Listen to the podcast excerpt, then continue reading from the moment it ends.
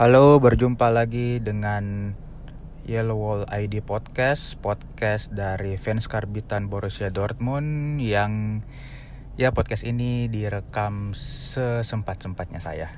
Oke, uh, pada episode kali ini uh, saya akan membawakan tiga segmen. Yang pertama segmen dan uh, transfer yang cukup menghebohkan kemarin yaitu kembalinya Matt Hummels. Kemudian review singkat dari pertandingan persahabatan Borussia Dortmund melawan Schwenberg dengan kemenangan Dortmund 10-0 dan yang terakhir adalah gosip-gosip seputar transfer masuk dan keluarnya pemain Dortmund.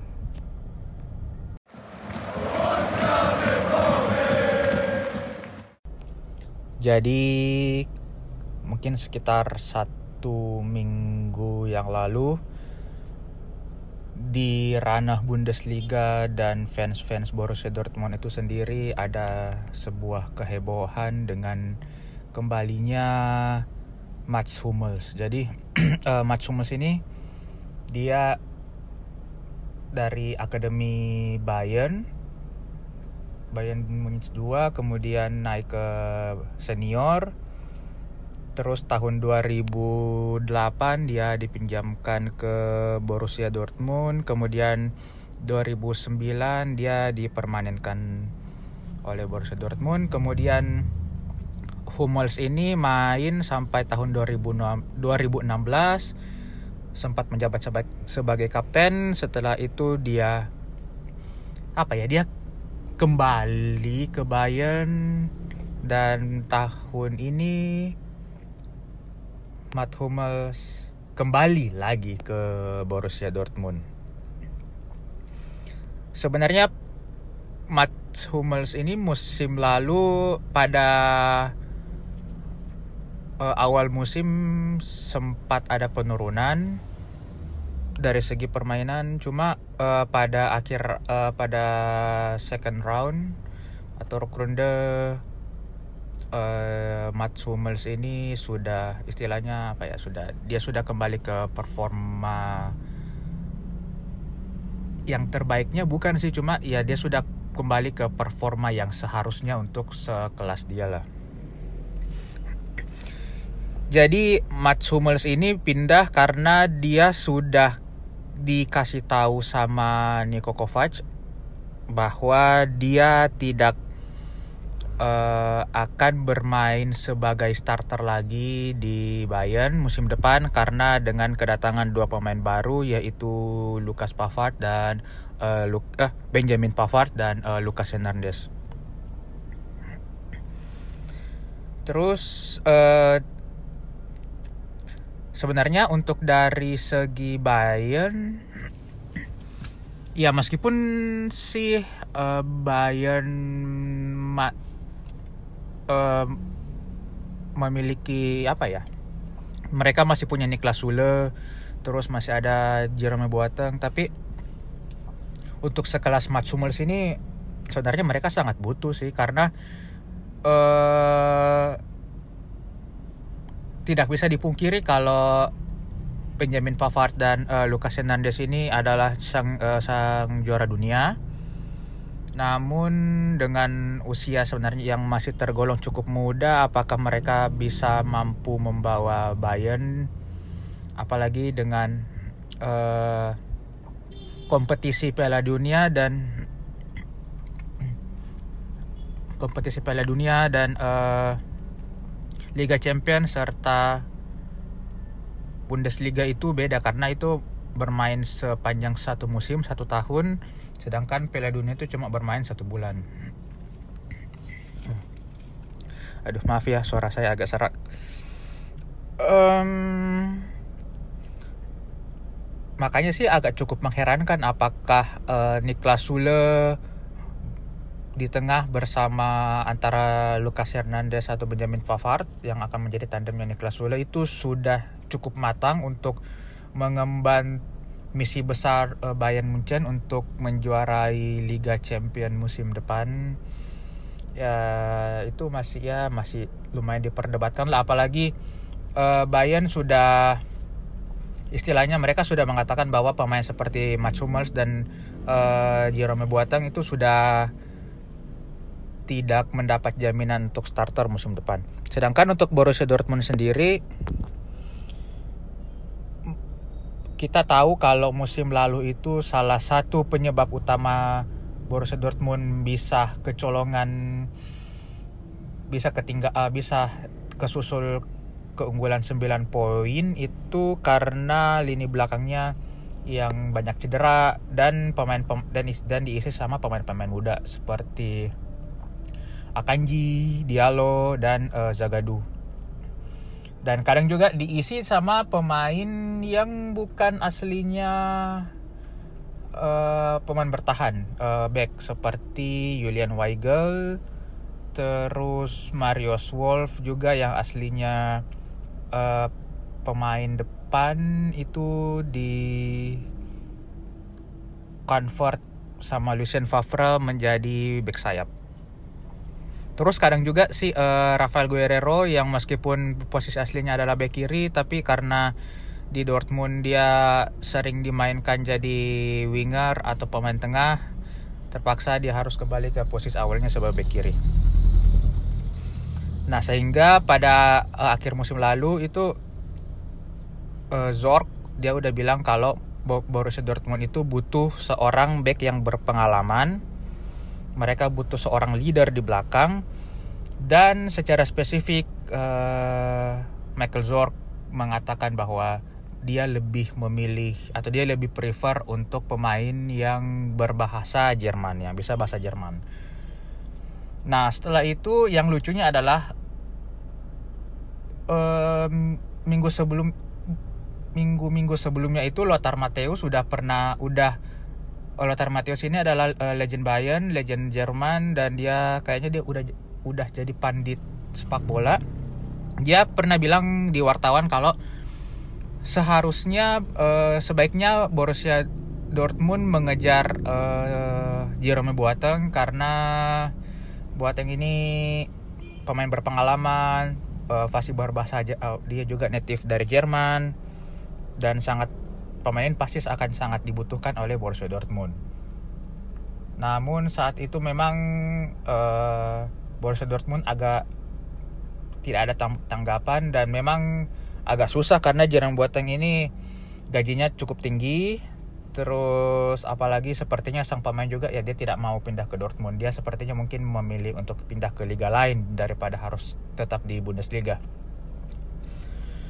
Terus ternyata beberapa minggu berikutnya justru gosip Mats Hummels ini yang muncul dan tanpa proses yang cukup lama kayaknya mungkin kurang dari seminggu dari gosipnya muncul langsung sudah uh, Bayern dan Dortmund sudah deal tentang transfer Mats Hummels ini.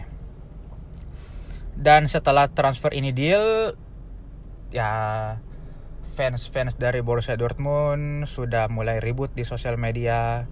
Dan ini kedatangannya memang memicu pro dan kontra sih sebenarnya. Kalau dari segi pro-nya karena harus diakui Mats Hummels ini adalah back yang berpengalaman.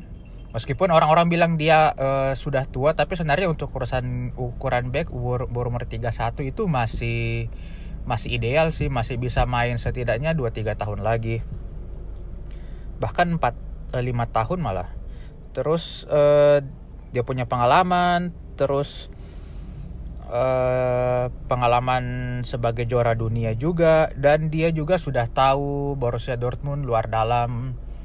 Jadi untuk proses adaptasi itu tidak perlu diragukan lagi lah. Maksudnya tidak perlu lagi harus beradaptasi dari awal yang berkenalan dengan staff, dengan pemain karena ya Mats Hummels setidaknya dia sudah kenal dengan pemain-pemain uh, pemain-pemain senior seperti Marco Reus, Mario Götze, Lukas Piszczek, Smeltzer, uh, Julian Weigel dan dan lain. Dan keuntungannya juga adalah secara tidak langsung Borussia Dortmund ini memperlemah uh, Bayern Munchen dengan mengambil uh, mengambil Mats Hummels salah satu back terbaik mereka.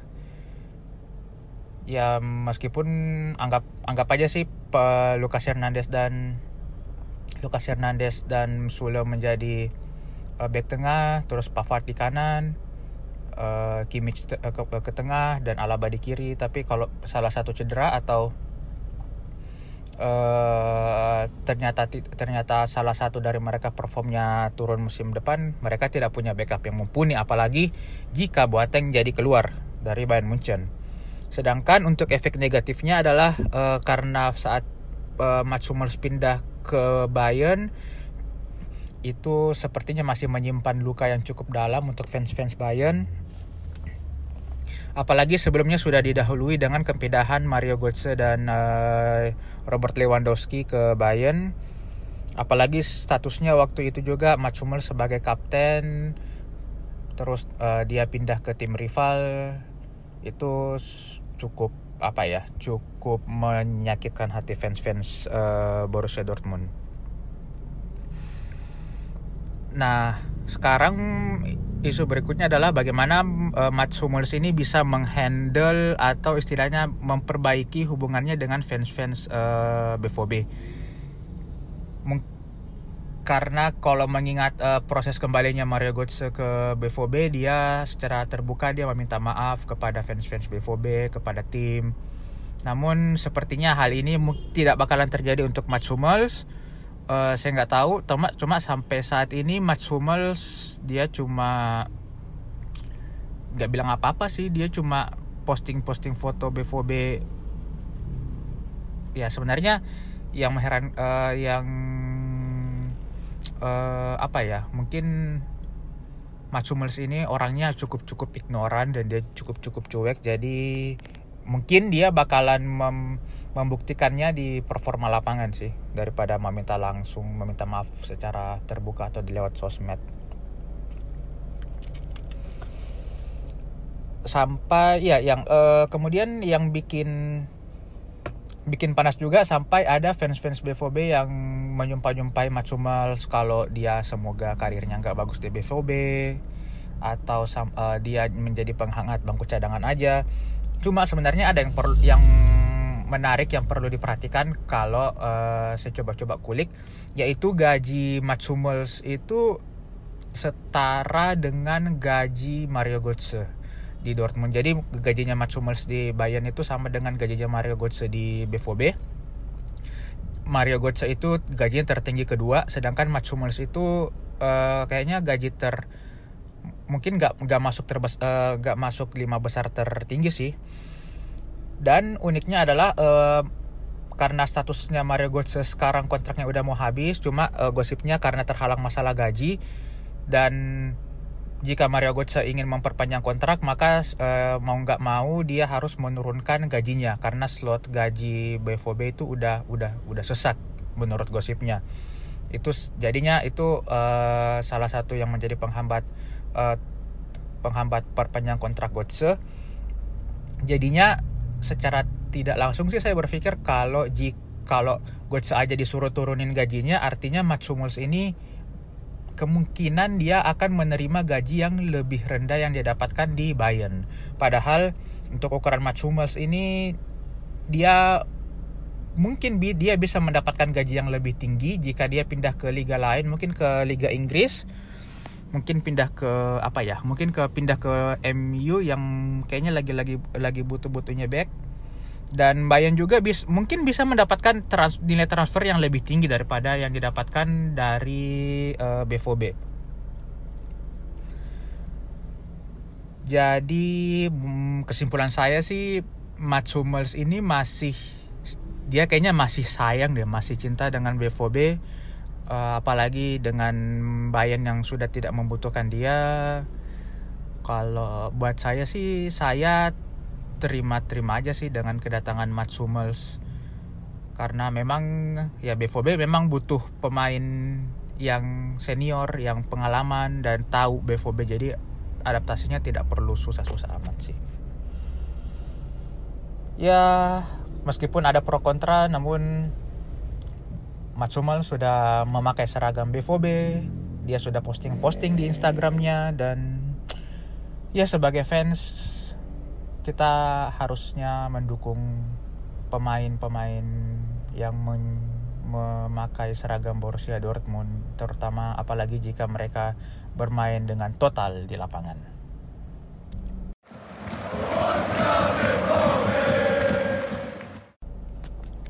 Ya, masuk ke segmen kedua uh, review singkat pertandingan persahabatan atau mungkin bisa dibilang pertandingan pemanasan atau kalau anak futsal mungkin bilangnya sparring uh, Borussia Dortmund melawan Schwenberg dengan kemenangan 10-0. Mungkin kalau ada yang nonton pertandingannya, nih Schwenberg ini kayak tim tim-tim dari pedesaan yang apa ya?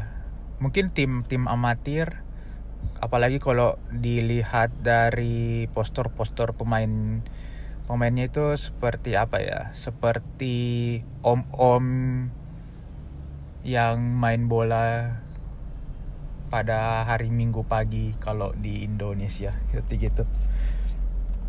Jadi uh, Borussia Dortmund menang 10-0. Uh, gol-golnya dicetak oleh Maximilian Philip 4 gol, kemudian Tobias Russell 2 gol, kemudian pemain baru si Murray mencetak satu gol dan satu assist. Terus ada Marius Wolf Aidinal dan Shinji Kagawa.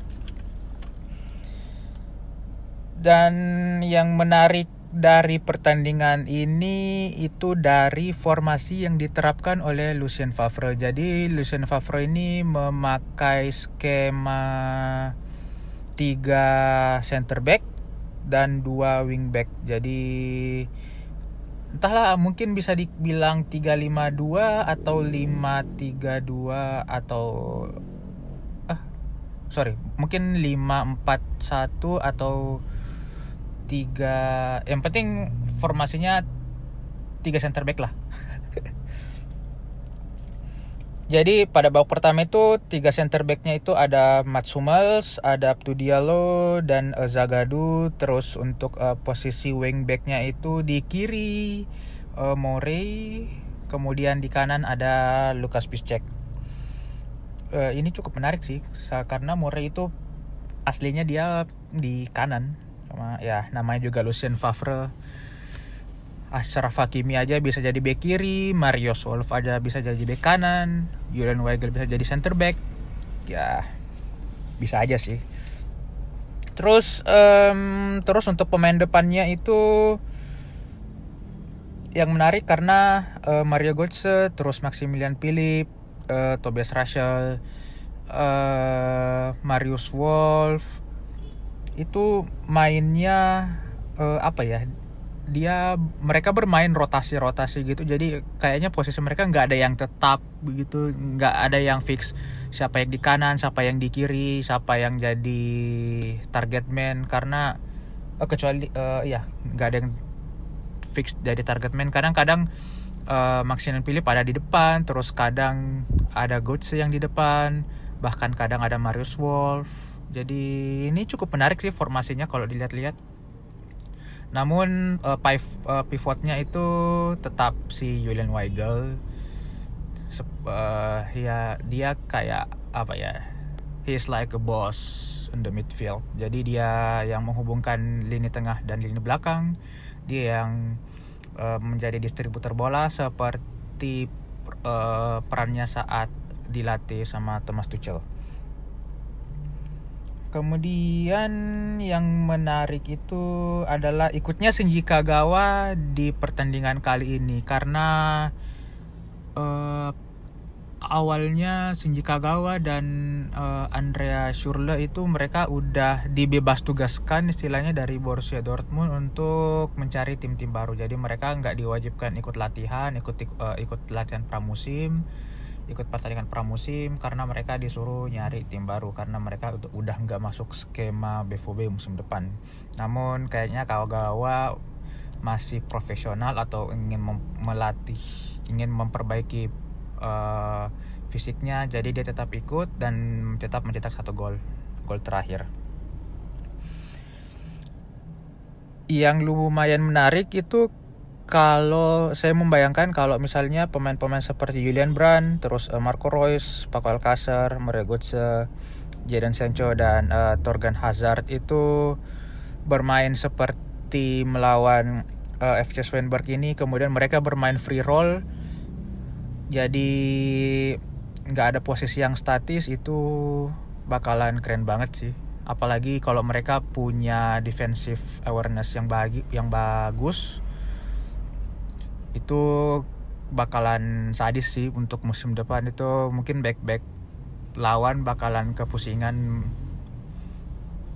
uh, untuk memarking mereka apalagi uh, pemain-pemain tadi itu punya kemampuan instik mencetak gol yang bagus punya passing yang bagus jadi ya akan sangat menarik sih. Meskipun kalau melihat skornya, skornya ini tidak bisa dijadikan patokan karena lawannya juga bukan lawan yang seimbang. Ini seperti pertandingan yang tadi saya bilang, seperti pertandingan pemanasan itu kayak pemain-pemain udah lama nggak tendang bola ya ini kayak ya udah ini tendang bola ini teman teman tim kalian yang baru selamat bertanding itu kayaknya seperti begitu aja sih. Uh, pertandingan yang kemarin itu.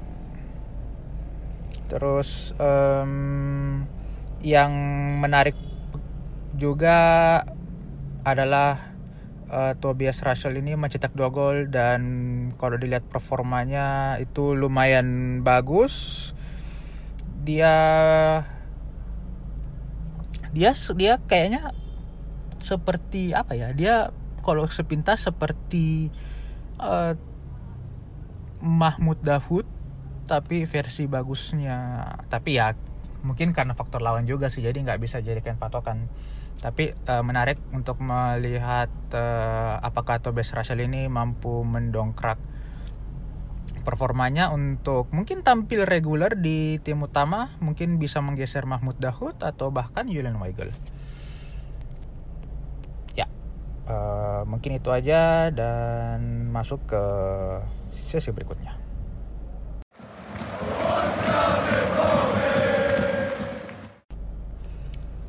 Ya, masuk ke sesi terakhir dari episode kali ini yaitu tentang gosip-gosip transfer pemain yang bakalan masuk.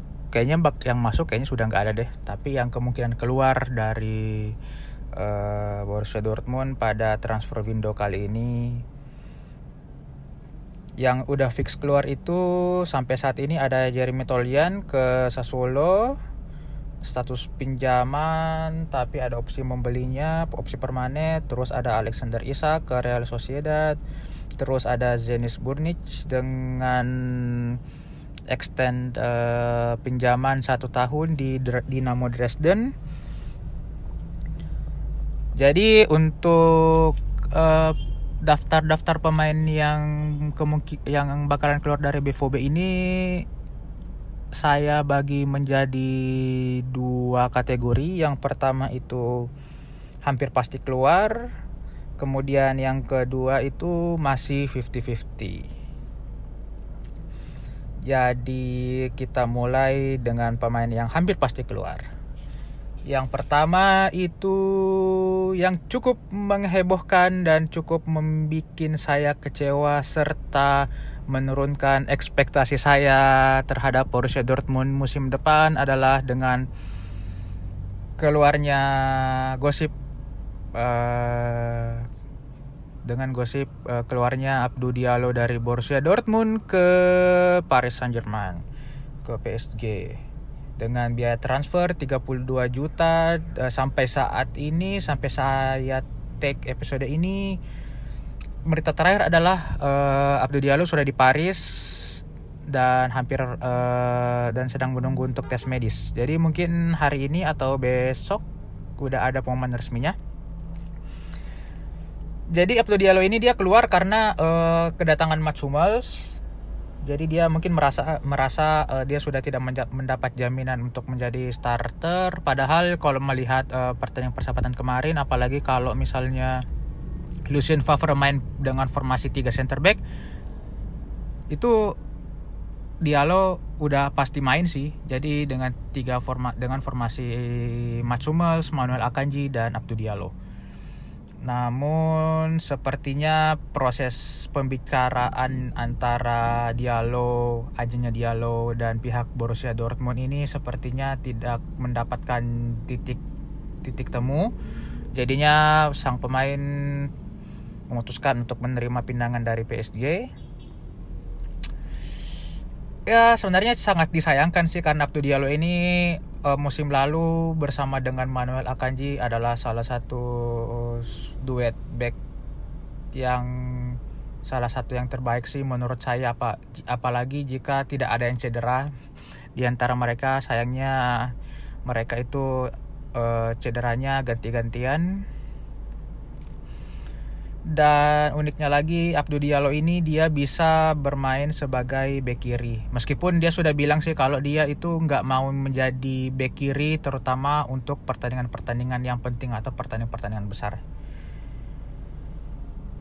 Dan sebenarnya Diallo ini pindahnya lumayan mengherankan sih karena dia pindahnya ke PSG ya meskipun dia bakalan pulang kampung sih kembali ke Perancis tapi PSG ini tim yang sebenarnya cukup demanding karena target mereka adalah menjuarai Liga Champion.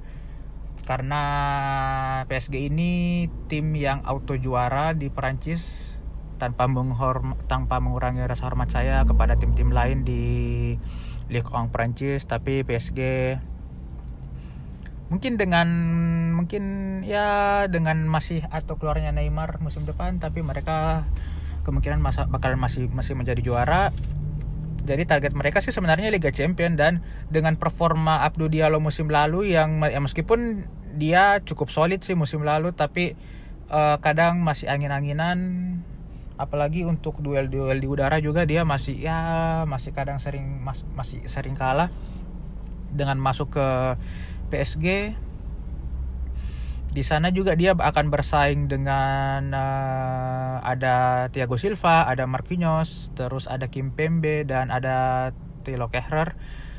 Um, saya nggak tahu sih apakah dia bisa juga mendapatkan jaminan starter di sana. Cuma ya ini transfer Abdou Diallo ini bakalan membuat saya cukup sedih karena apalagi mengingat status uh, Hummels dan itu apa? Hummels dan Hummels dan Akanji semoga mereka sehat-sehat saja tidak ada yang cedera um, atau untuk rotasi ya cukup disayangkan sih. Setidaknya ekspektasi saya untuk menjadi juara musim ini mungkin bakalan berkurang 10 atau 20 persen. Ya Kemudian yang berikutnya itu ada Rafael Guerrero, kontraknya bakalan habis tahun depan, jadi Borussia Dortmund tidak akan melepasnya dengan gratis musim depan, jadi mau tidak mau dia harus dijual musim ini. Kabarnya sih dia mendapat uh, tawaran dari PSG juga untuk kembali bergabung dengan Thomas Tuchel. Cuma di tengah-tengah negosiasi kabarnya kepindahan Guerrero ini di veto oleh sporting director baru dari PSG itu Leonardo karena menurutnya PSG belum membutuhkan pemain seperti Rafael Guerrero. Dan sekarang Rafael lagi diikut uh, tour BVB di Amerika. Jadi ya mungkin siapa tahu Rafael mau memperpanjang kontraknya karena sampai saat ini yang uh, ingin mengincar Rafael cuma PSG sih. Kemudian ada Andre Surle ini udah disuruh out lagi nyari klub terus ada Senja Kagawa juga dia dia disuruh out juga dia dia dibolehkan mencari klub kemudian ada Sebastian Rode dia kayaknya sih dia bakalan permanen di Frankfurt meskipun lagi cedera panjang, cedera parah kemarin. Kemudian ada Maximilian Philip. Ini terakhirnya sih uh, dia dari dua minggu lalu kabarnya bakalan berlabuh ke Wolfsburg. Cuma sampai sekarang belum ada kepastiannya. Mungkin dalam waktu dekat. Dan uh, Maximilian Philip juga dia ikut uh, tour ke Amerika sih. itu dari list-list pemain yang kemungkinan besar akan cabut kemudian list pemain yang uh, 50-50 atau cuma gosip-gosip aja bakalan cabut. Yang pertama itu ada Julian Weigel. Dia awalnya diincar oleh PSG karena kekurangan jam bermain karena adanya Axel Witsel dan Thomas Delaney. Cuma uh, Thomas Fav uh, Thomas lagi. Duh Lucien Favre. Lucien Favre itu secara pribadi dia sudah minta bahwa uh, untuk Julian Weigel ini bertahan untuk tidak pindah dan sampai sekarang pun gosipnya udah menghilang. Jadi ya semoga Julian Weigel mau bertahan di BVB apalagi mengingat Axel Witsel itu butuh rotasi untuk musim depan. Karena dia main full musim lalu. Dan pada akhir-akhir musim dia seperti burn out. Jadi ya udah kita BVB masih butuh Julian Weigel. Kemudian ada Omar Toprak. Omar Toprak ini sebenarnya dia sudah diizinkan untuk keluar. Cuma menurut saya sejak kepindahannya Abdul Diallo sepertinya dia masih dibutuhkan deh kayaknya. Omar Toprak ini sebenarnya salah satu pemain yang under appreciated di BVB menurut saya dia bu dia sebenarnya bukan tipikal pemain bintang bukan bukan first team material tapi untuk sebagai pelapis sih masih cocok ya ya tidak bagus, tidak excellent, not excellent, but not bad. Maybe just so-so. Kemudian ada uh, Zagadu. Zagadu juga awalnya dia diincar oleh Arsenal karena kedatangan Mats. Cuma sepertinya dia tidak pindah. Apalagi dia masih 20 tahun, masih bisa berkembang. Pindah ke Arsenal menurut saya bakalan ya mungkin mematikan karirnya karena dengan liga yang cukup yang sangat demanding dan fans-fans yang sangat demanding. Ya pemain 20 tahun itu seperti Zagadu masih butuh pengalaman banyak lah. Kemudian ada Jakob Brun Larsen dia awalnya diincar oleh MU dan Arsenal apalagi apalagi dengan kedatangan Julian Brand dan Torgan Hazard. Cuma sepertinya gosipnya juga menghilang apalagi dia juga ikut ke USA Kemudian Mario Götze ini yang cukup list, uh, nama pemain yang cukup kontroversial sih jika masuk. Tapi tapi Mario Götze ini kontraknya masih um, sisa setahun jadi musim depan dia udah free transfer. Tapi uh, menurut gosipnya perpindahannya ini terhambat oleh soal gaji. Jadi katanya sih yang beredar gosip-gosip yang beredar Götze itu harus menurunkan gajinya jika ingin bertahan ke Borussia Dortmund uh, dan sem, uh, sekali lagi si Lothar Matthäus ini si pandit di Jerman legenda sepak bola Jerman juga sempat bilang kalau Mario Götze ini dia sangat mencintai Borussia Dortmund tapi sebagai fans-fans kita harus mengerti bahwa ada hal-hal lain di luar kecintaan terhadap sebuah tim yang berpengaruh bertahan tidaknya seorang pemain yaitu ya alasan finansial. Apalagi Mario Götze ini usianya masih masuk usia-usia emas masih setidaknya masih bisa bermain secara bagus di tingkat tertinggi itu masih ada lima tahun lagi lah setidaknya apalagi pindah ke Inggris dia bisa mendapatkan gaji yang lebih besar dari yang didapatkan sekarang. Cuma who knows siapa tahu dengan kecintanya dia terhadap Borussia Dortmund dia mungkin rela menurunkan gajinya. Atau mungkin Borussia Dortmund bisa mencarikan sponsor-sponsor lain ke untuk Mario Götze untuk setidaknya menambah-nambah uh, pun apa menambah-nambah pemasukan Mario Götze. Jadinya dia Mario Götze tidak perlu memikirkan gaji yang didapatkan dari Borussia Dortmund. Kemudian ada Sergio Gomez, uh, dia juga sempat ada beritanya kalau dia ingin keluar dari BVB karena kedatangan dari Julian Brand dan uh, Torgan Hazard. Terus uh, ada yang terbaru ada Leonardo Balerdi yang katanya sih uh, dia masuk list untuk dipinjamkan karena dia dibutuhkan dia dia butuh untuk mendapatkan waktu bermain yang lebih atau mendapatkan pengalaman itu aja sih kemungkinan yang pemain yang bakalan out uh, musim ini. Untuk musim depan yang pasti keluar sih si Akraf, Akraf Hakimi.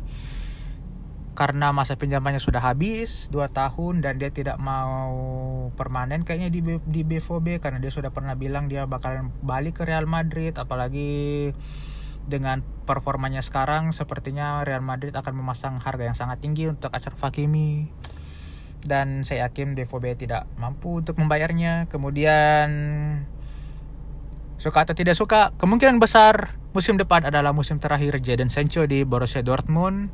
Apalagi melihat uh, dia dari Inggris terus uh, apa ya kalau lihat-lihat postingan-postingannya dia dan teman-teman bergaulnya dia di Inggris atau di timnas kayaknya dia udah bakalan ditarik-tarik lah uh, ditarik-tarik deh ke Inggris untuk musim mungkin dua musim uh, setelah musim depan berakhir kemungkinan dia bakalan pindah ke Inggris.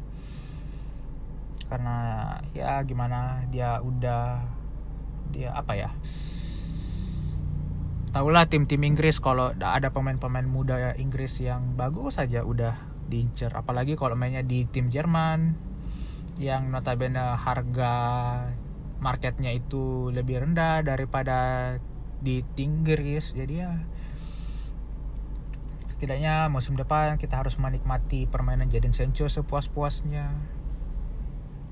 Cuma ya sempat sih si Wayne Rooney uh, bilang kalau Jadon Sancho uh, sebaiknya dia bertahan selama uh, selama-lama mungkin di Borussia Dortmund karena sangat menyenangkan melihat dia bermain di sana dengan bebas karena kalau di Inggris dia mainnya bakalan sangat terbatas. Terus itu aja sih yang kemungkinan gosip-gosip keluar. Terus untuk gosip yang pemain masuk sepertinya kayaknya transfer masuk BVB itu udah nggak ada sih kayaknya mungkin masih ada sedikit-sedikit gosip seperti BVB kembali ngincar alasan uh, Plea dari Gladbach itu udah dari musim lalu cuma dia lebih milih ke Munchen uh, ke Gladbach terus ada Thomas Cik dari AS Roma terus yang cukup uh, heboh itu ada, adalah Mario Mandzukic. Namun sepertinya cukup berat karena Mandzukic ini diincar juga oleh Bayern dan kabar terakhirnya dia memilih Bayern daripada BVB dan transfer yang hmm, sangat diidam-idamkan oleh fans-fans Borussia Dortmund adalah kembalinya Ilkay Gundogan karena kontraknya juga udah mau habis di Manchester City. Cuma ini adalah transfer yang too good to be true karena Ilkay Gundogan masih apa ya? Sepertinya masih sangat dibutuhkan oleh Manchester City dan saya juga kurang yakin apakah Borussia Dortmund bisa me uh, apa ya membayar gaji Borussia Dortmund atau apakah Ike Gundogan rela gajinya turun jika dia kembali ke Borussia Dortmund? Sepertinya tidak.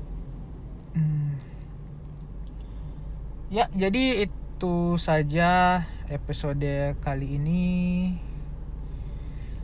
Oh iya, um, sebelumnya mungkin banyak yang bertanya kok jadinya semakin banyak daftar-daftar pemain Borussia Dortmund yang bakalan keluar sih apalagi list-list yang keluar itu adalah pemain-pemain muda seperti Abdul Diallo, terus uh, Alexander Isak sudah keluar, terus Zenis Burnic udah keluar juga, terus gosipnya ada Jakub Lund Larsen, ada Sergio Gomez dan Leonardo Balerdi. Jadi ini adalah konsekuensi sepertinya sih ini adalah konsekuensi dari Borussia Dortmund yang menaikkan target mereka musim depan. Karena awal musim lalu itu sejak Lucien Favre dikontrak oleh BVB mereka udah bilang kalau target Borussia Dortmund musim ini adalah empat besar. Apa pun yang terjadi pada musim ini bakalan kita evaluasi untuk menjadi uh, target untuk musim berikutnya yaitu musim depan nah um, musim lalu Borussia Dortmund itu melewati ekspektasi dengan empat uh, dengan uh, bisa meraih ke posisi kedua bahkan sempat mela apa sempat membuat Bayern Munchen ketar-ketir jadinya uh, yang dibilang sama Watzke ini mereka target mereka untuk musim depan adalah untuk menantang kembali Bayern Munchen untuk menjadi juara. Padahal musim lalu itu saat uh, prestasi Borussia Dortmund lagi bagus-bagusnya sempat di peringkat satu unggul 9 poin. Uh, baik itu Watzke, Zorc dan uh, Sebastian Kell saat diwawancara mereka selalu bilang bahwa target mereka tetap empat besar. Uh, mereka tidak memikirkan untuk juara saat ini karena mereka tetap fokus empat besar sekali lagi dan uh, apa pun yang terjadi pada musim ini bakalan dievaluasi untuk menjadi pertimbangan target musim depan. Dan terbukti bahwa mereka bisa mempush Bayern Munchen dan ya bukan tidak mungkin Borussia Dortmund bisa menjadi juara musim depan. Amin. Dan Watzke juga dia sudah bilang kalau um, Borussia Dortmund sangat membutuhkan pemain pemain-pemain yang berkualitas. Tidaknya untuk satu posisi itu bisa ada dua atau tiga pemain dengan kualitas yang sama karena Borussia Dortmund bakalan bermain di tiga kompetisi sekaligus. Ini menurut saya cukup mengagetkan karena selama ini Watzke jarang bicara seambisius ini. Jadi kemungkinan Borussia Dortmund bakalan fokus di Bundesliga, Liga Champion dan DFB Pokal. Jadi bagi fans-fans Borussia Dortmund musim depan adalah musim yang sangat menarik. Oke, okay, uh, eh, sekian dulu untuk episode kali ini dan episode berikutnya saya akan mencoba membahas tentang uh, tur pramusim Borussia Dortmund di USA yang bakalan berlangsung tanggal 15 sampai tanggal 20 Juli. Hasil-hasil apa yang mereka dapatkan di sana dan siapa tahu ada pemain yang keluar dan atau mungkin yang mengejutkan ada pemain yang masuk. Dan untuk saat ini itu saja. Oh aduh macet nih. Oke okay, uh, sampai jumpa di episode berikutnya. Bye.